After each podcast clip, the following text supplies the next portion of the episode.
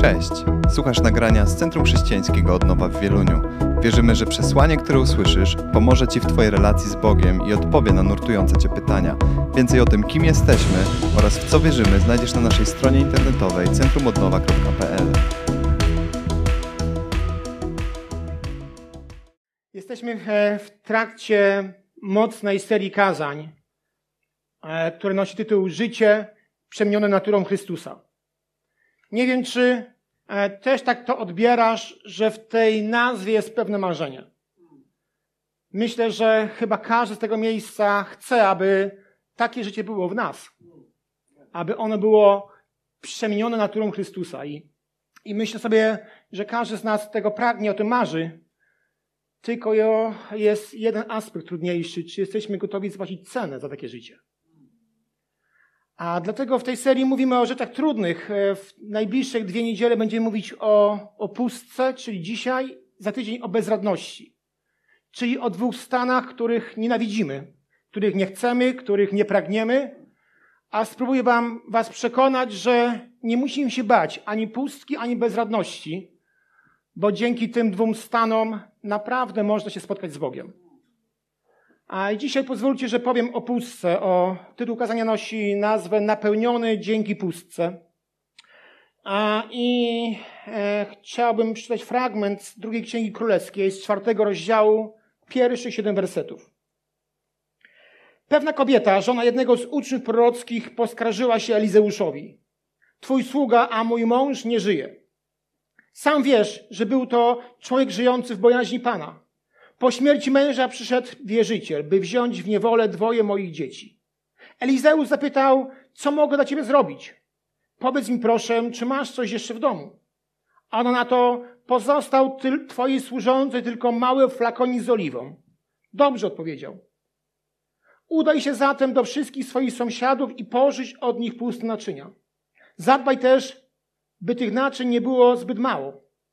Potem wejdź do domu, zamknij drzwi za sobą i ze swoimi synami i nalewaj oliwy do wszystkich tych naczyń, a pełne naczynia odstawiaj. Kobieta odeszła, zamknęła drzwi za sobą i za swoimi synami. Oni podsuwali jej naczynia, a ona napełniała jej oliwą. Przy ostatnim naczyniu powiedziała do syna, podsuń proszę następne. Lecz on odpowiedział, więcej naczyń nie ma. Wtedy też z flakonika przestała wypływać oliwa. Poszła więc, i powiedziała o tym mężowi Bożemu, a on na to idź, sprzedaj oliwę i spłać długi, a z tego, co pozostanie, utrzymuj siebie i synów. Czytaliśmy dosyć znany fragment, dosyć znaną historię o samotnej matce, która była w bardzo trudnej sytuacji. Miała wyjątkowo skomplikowaną sytuację, bo nie tylko, nie tylko była samotną matką, ale też była wdową, która straciła niedawno męża. Została z dwójką dzieci, z dwójką synów oraz z górą długów i brakiem ubezpieczenia. Nie miała szans na pracę, a jej synowie byli zbyt mali, aby tej pracy mogli się podjąć. Więc z każdym dniem popadała w nędzę. Miała długi, których nie potrafiła spłacić, a tam, gdzie, gdzie żyła, dłużników nie traktowało się najlepiej. Nie było dla nich litości. Któregoś dnia do jej drzwi zapukał wierzyciel, który chciał wziąć jej synów po to, aby uregulować, hipotekę. W kulturze, której żyła, to było notoryczne, że tak się traktowało dłużników. Myślę, że płakała tak długo, a zabrakło jej łez. Nie zostało jej nic poza desperacją. Pomyślała więc, że wybierze się do męża Bożego Elizeusza, w końcu jej mąż pracował u tego człowieka. Miał z nim dobrą relację. Może okaże się lojalny i pomoże znaleźć jakieś rozwiązanie, pomyślała. Odchodzę od zmysłów, być może powiedziała Elizeuszowi. Straciliśmy już prawie wszystko. A moje dzieci są wszystkim tym, co mam. Ale jeśli nie zdobędę jakichś pieniędzy i nie spłacę długów, to zostanę bez, bez nich i bez domu. Dzieci umrą jako niewolnicy, a ja wyląduję w rynsztoku albo na ulicy.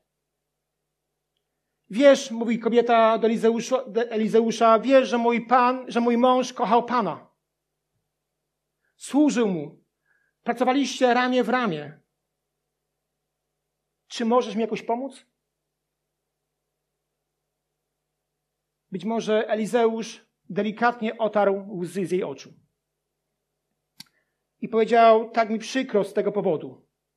Z tego powodu, co przechodzisz. Co ci zostało? Spojrzała na jego zmieszana. Być może on oczekuje jakiejś zapłaty. Nic. Nie zostało mi już nic. Nic poza ścianami i podłogą? Nic. Wszystko sprzedałam. Każde pomieszczenie jest puste, jest tylko wypełnione wspomnieniami i marzeniami. Choć wydaje mi się, że została mi jeszcze jedna mała buteleczka z oliwą. Tak mała, że ona nic nie znaczy. Dobrze, powiedział Elizeusz. Będzie nam ta butelka potrzebna. A teraz idź do sąsiadów. Pukaj od drzwi do drzwi, prosząc ich o pożyczenie dzbanów i pustych naczyń. Nazbieraj ich jak najwięcej. Wnieś do domu i zamknij drzwi. A następnie weź ten flakonik z olejem i zacznij nim nalewać. Jak to niby ma się stać? Pyta kobieta. Elizeusz na to miej wiarę. Miej wiarę. Kilka godzin później pokój wypełnił się dzbanami i innymi naczyniami, pełnymi oliwy. Dzieci śmiały się i biegały wokół. Wszyscy w trójkę ściskali się, bo wiedzieli, że dzięki temu będą mogli przeżyć. To były tak wielkie ilości, że będą mogli przeżyć sami i też spłacić długi, co oznaczało, że jej synowie nie pójdą w niewolę. Ta historia mówi nam o tym, że Bóg uwielbia napełniać puste naczynia. I bez względu na to, czy to jest dzban, czy to jest miara nadziei, Bóg uwielbia to napełniać. Bóg jest wypełniaczem pustych miejsc. A Jezus jest tego żywym obrazem. Dzbany w Bożym planie są po to, by je napełniać. Lecz one same się nie napełniają. Zaczynają od tego, że najpierw są puste, a później ktoś do nich coś wlewa. Podobnie jest ze mną i z Tobą. Ileś tego, czym sami napełnieni, jest wprost proporcjonalne do naszego poziomu pustki. Czasami tak bardzo dbamy o to, być pełnymi. Ale zauważcie w tej historii, do pełnych dzbanów, naczyń już nic nie stało nalewane. Tylko do tych pustych oliwa się wlewała. Biblia w wielu miejscu pokazuje nam to, że Jezus uwielbia napełniać puste naczynia. W swoim pierwszym cudzie, zapisanym w drugim, drugim rozdziale Ewangelii Jana, Jezus zapełnia, Jezus zamienia wodę w wino. Trochę się uśmiecham przy tej historii, bo, bo jak kiedyś prowadziłem spotkania dla anonimowych alkoholików, to było, jak o tym mówiłem, to, to była w nich nostalgia i, i takie marzenie, że, że mieć to moc. że mieć to moc napełniania wody w wino. I niektórzy z nich byli już na końcu swojego alkoholizmu, a niektórzy w trakcie. Widziałem, że aż im się łezka roiła. Mówiła, panie, daj mi tak moc. To nie o to chodzi. Jednak Jezus zamienia wodę w wino.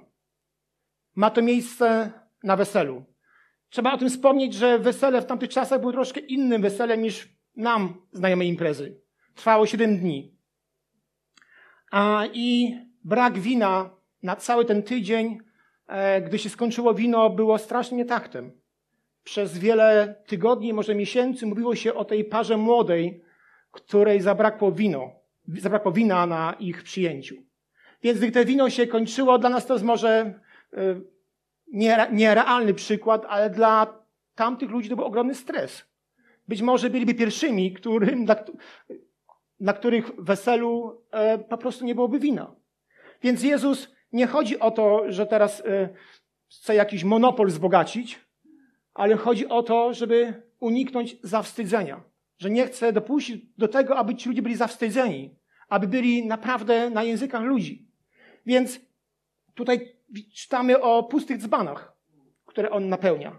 Ale co ciekawe w tej historii jest mowa o tym, że to nie wypełni je winem marki winem. E, niektórzy rozumieją o co chodzi, ale to było wino najlepszej jakości. Został pochwalony pan młody za to, że na koniec zatrzymał najlepsze wino. Więc zobacz, widzimy tutaj w tej historii, że nie zapełnia Jezus tej pustki byle czym. Zapełnia ją obfitością i jakością. To jest pierwszy przykład, że Bóg, jeżeli Bóg nas napełnia, to nie byle czym, tylko jakością i obfitością. W Ewangelii Jana w czwartym rozdziale czytamy o tym, że Jezus spotyka kobietę przy studni. Jej życie jest puste. Miała kilku mężów, szukała w nich pociechy, radości, miłości.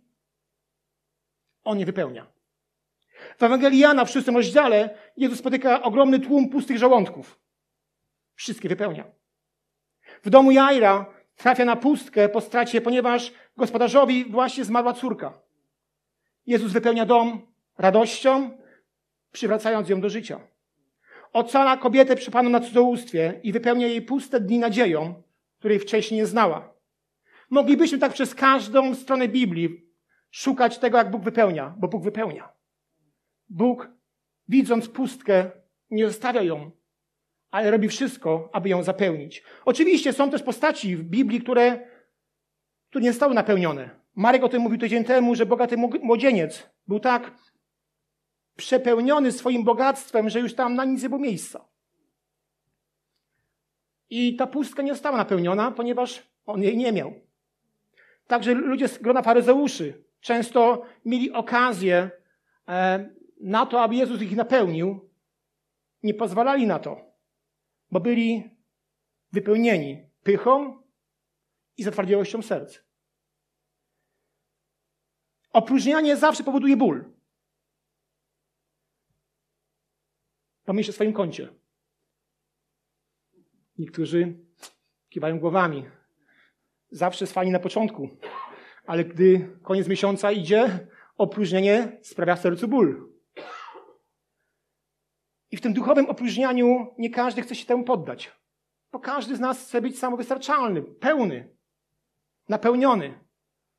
Ale w tym przykładzie jest mowa o tym, że gdy już jesteś pełny, niczego nie zmieścisz. Żeby coś przyjąć od Jezusa, musisz coś opróżnić. Jakieś miejsce musi być puste, aby później mogło być napełnione. Ewangelii Łukasza, w 14 rozdziale, czytamy przypowieść o wspaniałym bankiecie. Łukasza, 14 rozdział, pierwszych sześć wersetów.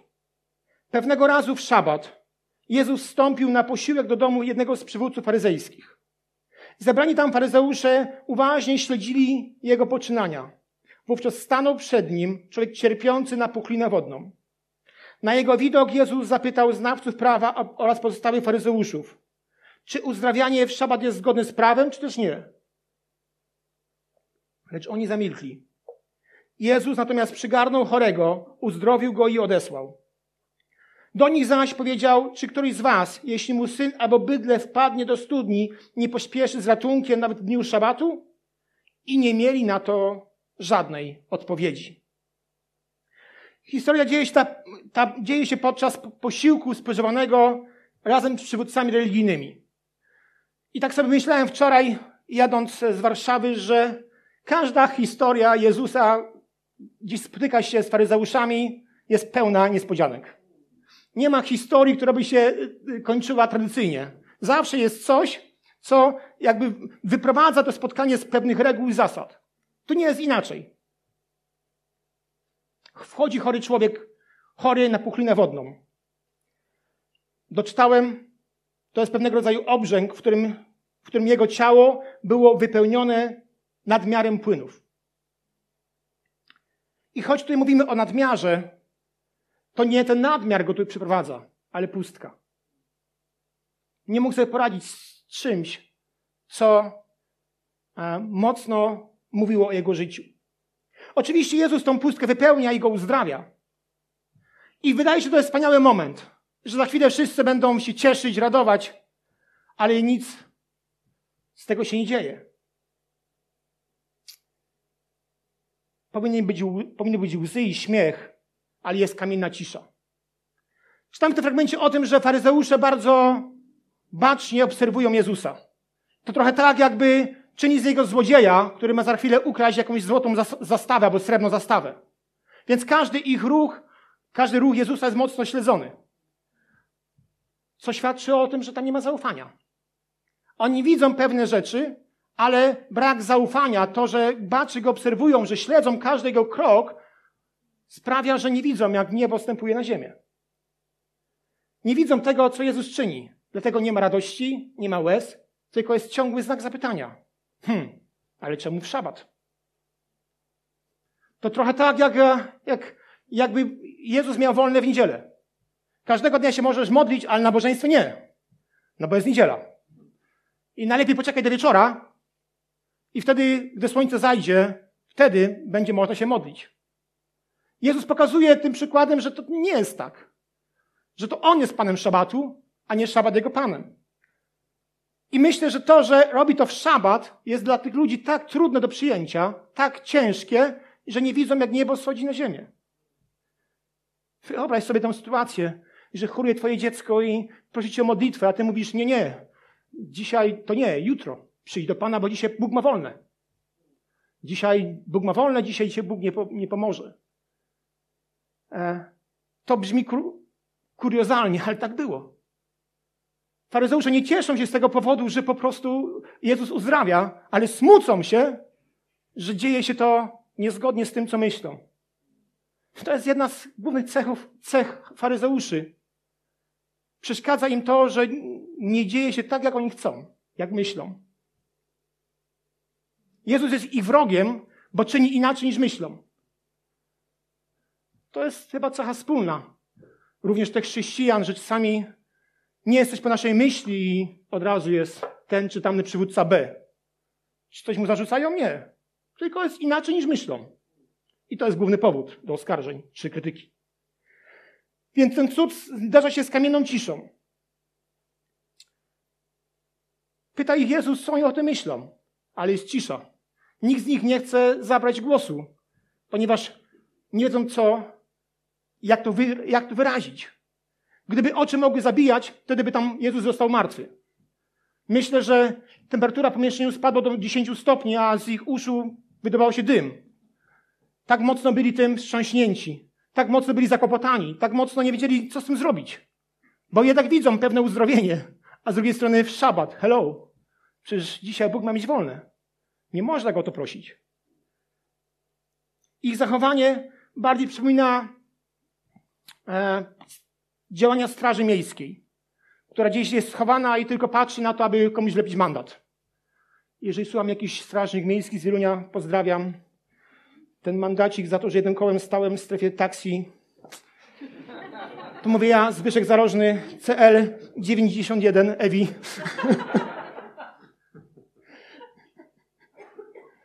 Cóż, wykonuję swoją pracę, rozumiem. W faryzeuszach nie ma pustego miejsca. Oni nie doświadczają czegoś, co Bóg chce im dać. Zamiast napełnić ich serca miłością, radością, napełnia ich uszy historią, choć też do końca nie wiem, czy słyszą, o czym Jezus mówi, bo, bo często jak po katce po nim spływało to, co słyszeli. I myślę sobie, że faryzeusze widzą człowieka, który uzdrawia innego człowieka. Widzą Boga, który dotyka chorego człowieka. I powinni wyjść z tego spotkania inni. Zanim dokończą deser, powinni być innymi ludźmi. Ale nic się nie dzieje. Myślę sobie, że to sami podobnie z nami, bo łatwo jest kogoś hejtować i po, po, po, po kimś cisnąć, ale czasami myślę sobie, że z wielu nabożeństw powinniśmy wyjść innymi ludźmi, a, a nie wychodzimy.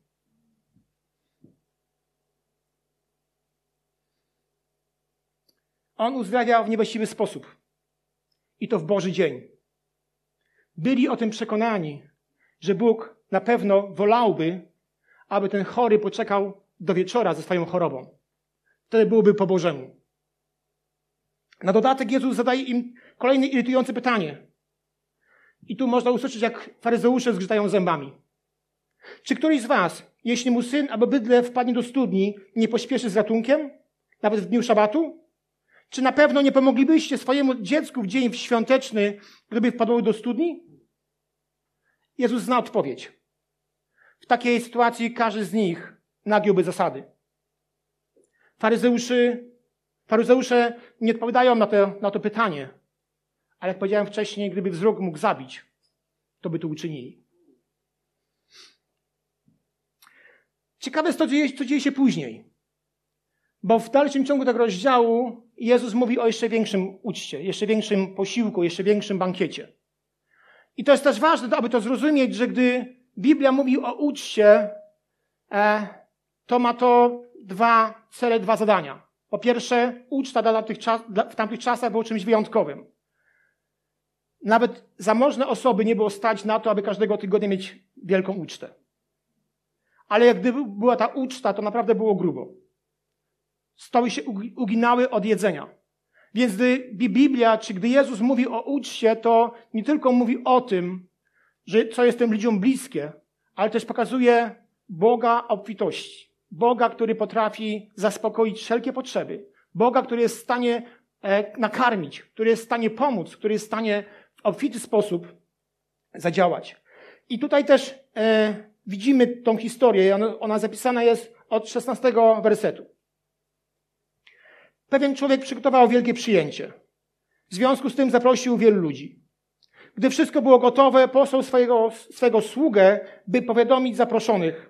Możecie się już schodzić, stół zastawiony. Wtedy wszyscy po kolei zaczęli się wymawiać. Pierwszy powiedział, właśnie kupiłem pole i muszę dokonać oględzin. Przepraszam, lecz jak, jak sam widzisz, nie mogę przyjść. Drugi powiedział, kupiłem pięć par bydląt zaprzęgowych i właśnie idę wypróbować. Przepraszam, lecz jak sam widzisz, nie mogę przyjść. Kolejny powiedział, dopiero co się ożeniłem, dlatego nie przyjdę. Po powrocie sługa zawiadomił o tym swego pana. Wtedy pan domu, rozgniewany, powiedział do sługi, wyjdź więc czym prędzej na place, odwiedź miejskie zaułki i sprowadź mi tu ubogich, niepełnosprawnych, niewidomych i utykających. Sługa wykonał polecenie, wrócił i doniósł. Panie, postąpiłem jak kazałeś i wciąż są wolne miejsca. Wtedy Pan polecił, wyjdź więc na drogi prowadzące do miasta, idź między zagrody i przekonaj napotkanych, by przyszli. Niech mój dom, dom będzie pełny, bo mówię wam, żaden z tych, którzy wcześniej, których wcześniej zaprosiłem, nie posmakuje potraw na tym przyjęciu. W tej historii czytamy, że Jezus wysyła, Jezus mówi, że pewien człowiek wysłał zaproszenie na wieczerze. Gdy stoł już był nakryty, wszystko było gotowe do, do, do, do, do jedzenia, wysyła sługę, który ma zaprosić ludzi na tę wieczerzę. Ale nikt naprawdę nie chce przyjść. Jeden mówi, że musi obejrzeć pole, drugi, że kupił woły, a trzeci, że się hajpnął. Gdy przychodzi sługa do swego pana, jemu się to nie podoba. Poczuł się obrażony poczuł się bardzo niewygodnie. Czuje się urażony, ponieważ przygotował wielką wieczerzę, a on nie lubi pustych miejsc. Więc chciał, aby, aby każde krzesło było zajęte. Ale mówi do sługi, wiesz co, idź dalej. Idź jeszcze kilka mil. Może wejdź do lasu. Może wejdź do uli na ulicę, której jeszcze nie byłeś. Zaproś jeszcze innych ludzi, ponieważ mam dobry posiłek. Mam coś za zaoferowania. Zaproś ludzi, aby nie było tu żadnego wolnego miejsca. Misja staje zakończona, ale wciąż są wolne miejsca. I po pewnego czasu mówi, zacznijmy tę imprezę. I składa przysięgę. To jest ciekawe. Dla tych z was, którzy nie znaleźli czasu, nie ma posiłku. Często dla słuchaczy czy słuchaczy mm, największym zadaniem było rozszyfrować, o kim Jezus mówi. W wielu historiach, w wielu przypowieściach było to dosyć mocno jasne. Ale są takie przypowieści, których naprawdę ludzie musi się nagłowić. Czy on mówi o nich, czy mówi do nich. I w tej sytuacji widzimy to, że sytuacja jest dosyć chyba klarowna, mm, ponieważ mm, Bóg wysyła Jezusa z zaproszeniem na wielką ucztę, która jest Jego królestwem. Podobno podam przypowieść z Ewangelii Mateusza, w której zabi jest zabijany ten posłaniec. A kim są ludzie, którzy są na tę ucztę zaproszeni? Są to wierzący Boga ludzie. Ale okazuje się, że są zbyt zajęci, żeby przyjść. Rozumiem, że cieszą się z zaproszenia, że miło witają tą osobę, która ich zaprasza. Ale mają pewne wymówki, które uniemożliwiają przyjście. Znacie mnie, jestem zawsze szczery. Możemy się tam odnaleźć. Niekoniecznie kupujemy woły, niekoniecznie się tutaj haj, haj, żenimy, czy wodzimy za mąż. Niekoniecznie jest coś takiego bardzo e, z tej historii nam bliskiego, ale są pewne wymówki, którym, którym mówimy dzięki za zaproszenie, ale przyjdę za tydzień, albo przyjdę za miesiąc, bo jest coś tak dla mnie ważnego, że nie skorzystam z Twojego zaproszenia, bo to coś jest dla mnie tak ważne. I myślę sobie, że ta historia może być napominająca. Można nam pokazać o tym, mówić nam o tym, że są pewne wymówki, które są ważniejsze od Pana Boga. Są pewne rzeczy, które stają się dla nas tak ważne, że mówimy dzięki za zaproszenie, przyjdę za tydzień, albo za dwa, albo za miesiąc, albo wcale. E, to już jest do rozważenia. Kończąc, list do Efezjan, piąty rozdział i osiemnasty werset. Czytamy takie zdanie, bądźcie pełni ducha. Bądźcie pełni ducha. E, w piątek się radziłem polonisty, który pracuje w szkole. To jest dosyć ciekawe. Nie wiem, czy zwróciliście, zwróciliście kiedyś uwagę na to sformułowanie. Bo Paweł, używając tego zwrotu, używa tutaj trybu rozkazującego w stronie biernej. Nic tego nie rozumiem. Spokojnie, gramatyka. Używa tutaj trybu rozkazującego w stronie biernej. Dlaczego tryb rozkazujący? Bo to nie jest żadna opcja, tylko rozkaz. Nie jest to przeznaczone dla niektórych wyznań albo dla zainteresowanych ludzi. Stało powiedziane, bądźcie pełni ducha. Forma czasownika mówi nam również, że nie chodzi tutaj o jednorazowe wydarzenie. Tu chodzi o coś, co ma trwać. Tak jak nasze oddychanie. A strona bierna tego zdania oznacza, że nie wykonujemy tego sami. Dzban nie napełnia się, się sam. On jest pusty. I ktoś go wypełnia. Zatem jak my, dzbany, możemy znaleźć się w właściwej pozycji, a być napełnionymi? Zacznijmy od opróżnienia samych siebie. Zacznijmy od tego momentu, który mówimy, Panie, zbadaj mnie i oczyść. Panie, opróżnij mnie z tego, co jest moje w moim życiu. Bo ja nie chcę mieć swojej wiary, chcę mieć Twoją wiarę. Nie chcę kochać ludzi miłością swoją, tylko Bożą miłością. Opróżnij mnie z tego, co przeszkadza w napełnieniu. XIX-wieczny ewangelista D.L. Moody ujmuje to w następujący sposób. Szczerze wierzę, że gdy tylko nasze serca staną oczyszczone z dumy, egoizmu, ambicji, egocentryzmu i wszystkiego, co jest niezgodne z Bożym prawem, Święty Duch przyjdzie i wypełni każdy zakątek naszego serca. Jednak, jeśli jesteśmy pełni dumy, zarozumialstwa, ambicji, egocentryzmu, skupienie na przyjemnościach i świecie, wtedy nie ma dla, nich, dla nas miejsca na Bożego Ducha. I wierzę, że wiele osób modli się do Boga, żeby je napełnił, podczas gdy już są pełne czegoś innego. Wierzę, że zanim zaczniemy prosić Boga, żeby nas wypełnił, musimy Go prosić, żeby nas najpierw opróżnił. Zanim nastąpi wypełnienie, musi być puste miejsce. A gdy nasze serce stanie do góry nogami, a wszystko, co jest niezgodne z Bożą wolą, stanie usunięte, wtedy przyjdzie duch.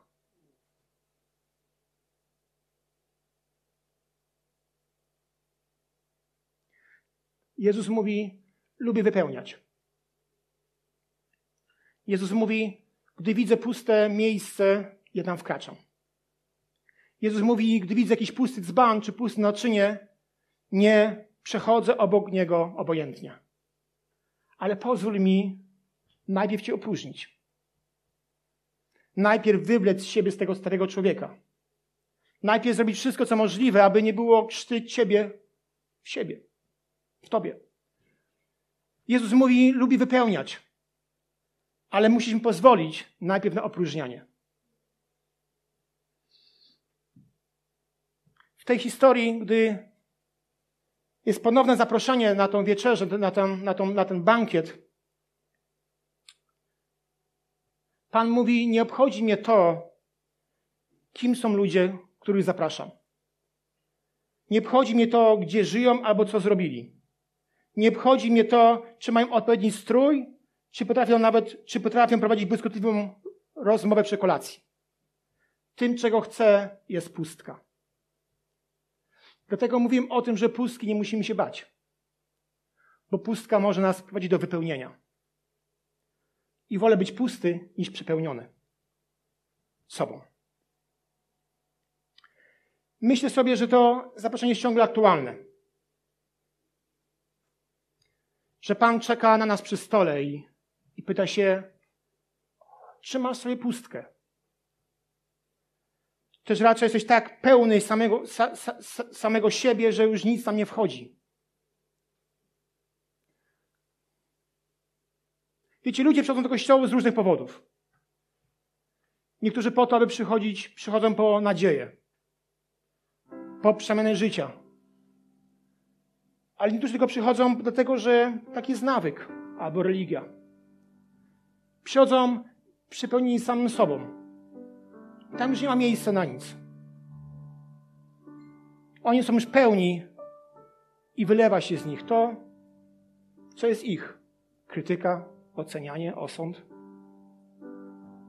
Ale gdy mamy w sobie pustkę, to Jezus nigdy nie postawia nas samych, sobą, samych z siebie. Idzie, idzie w naszym kierunku i mówi po to, idzie po to, aby nas zapełnić, aby nas wypełnić. Dalej Moody mówi, Bóg nikogo nie odsyła z pustką, poza tymi, którzy są pełni samych siebie. Możecie znać Chrystusa, ale niezbyt blisko. A może Myślisz o sobie, że jesteś tak pełny, że już nic nie zmieści. Co dzisiaj Bóg musi opróżnić, aby móc wlać oliwę, która się nie kończy? Co dzisiaj Bóg musi w tobie zrobić, aby zmieściła się tego oliwa, która nie ma końca?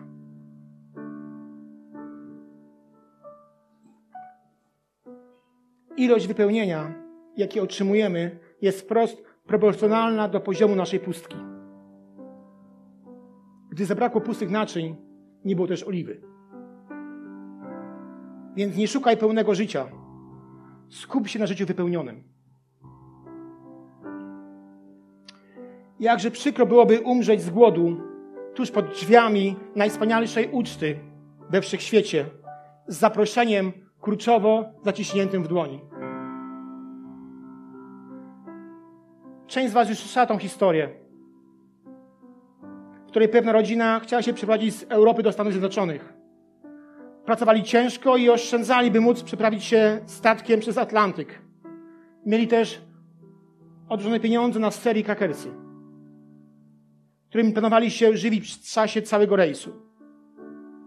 Cała rodzina przez wiele dni tłoczyła się w swojej kajucie, ciasnej kajucie słuchając kroków i śmiechu ludzi udających się na posiłki do sali bankietowej. Gdy kapitan ogłosił, że następnego dnia dotrą na miejsce, ojciec rodziny postanowił to uczcić i zabrać wszystkich na posiłek razem z pozostałymi pasażerami. Powiedział: Zaszalejmy, jutro dopływamy, idźmy na kolację. Zapytał, ile kosztuje kolacja, a kapitan mówi na to zdziwiony, nie jedliście w sali bankietowej? Przecież posiłki były wliczone w cenę biletu. Jakże przykro byłoby umrzeć z głodu tuż pod drzwiami najwspanialszej uczty we wszechświecie. Z zaproszeniem kurczowo zaciśniętym w ręku. Chciałbym, abyśmy skłonili swoje głowy. Chcemy się pomodlić. Zapraszam już zespół.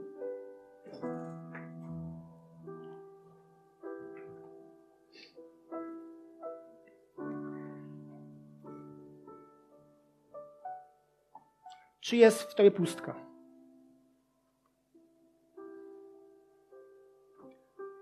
Pustka zawsze przynosi pokorę.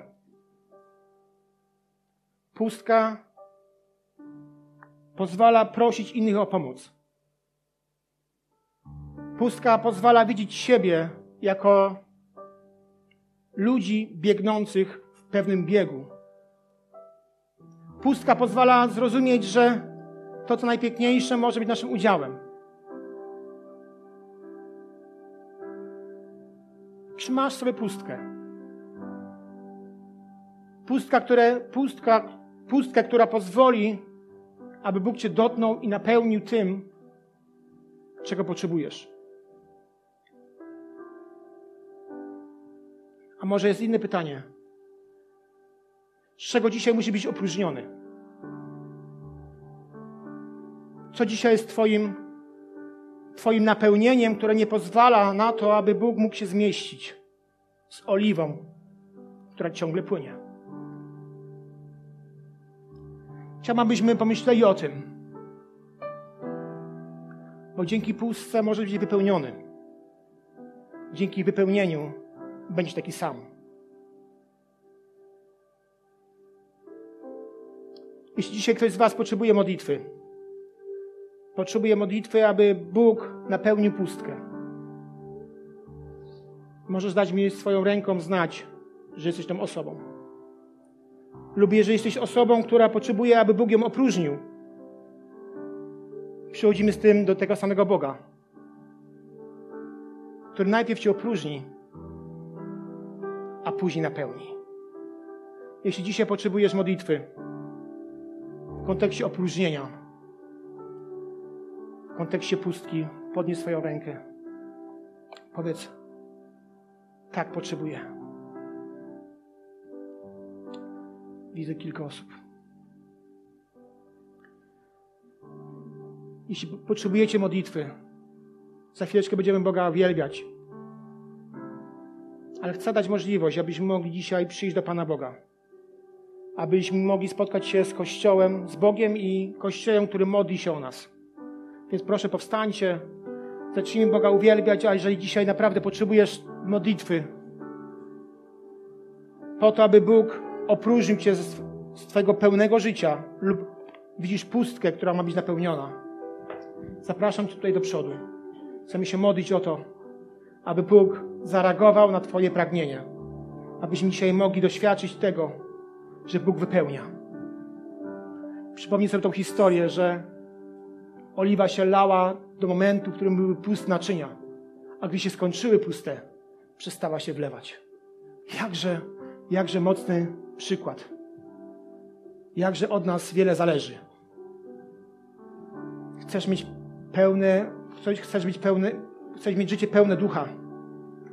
Pozwól sobie na opróżnianie, a później proś Boga o napełnienie. Dziękujemy, że byłeś z nami. Wierzymy, że przesłanie, które usłyszałeś, zachęca Cię do bliższej relacji z Bogiem oraz poznania nas osobiście. Zapraszamy Cię do odsłuchania kolejnych nagrań, a także skorzystania z naszej strony internetowej centrumodnowa.pl.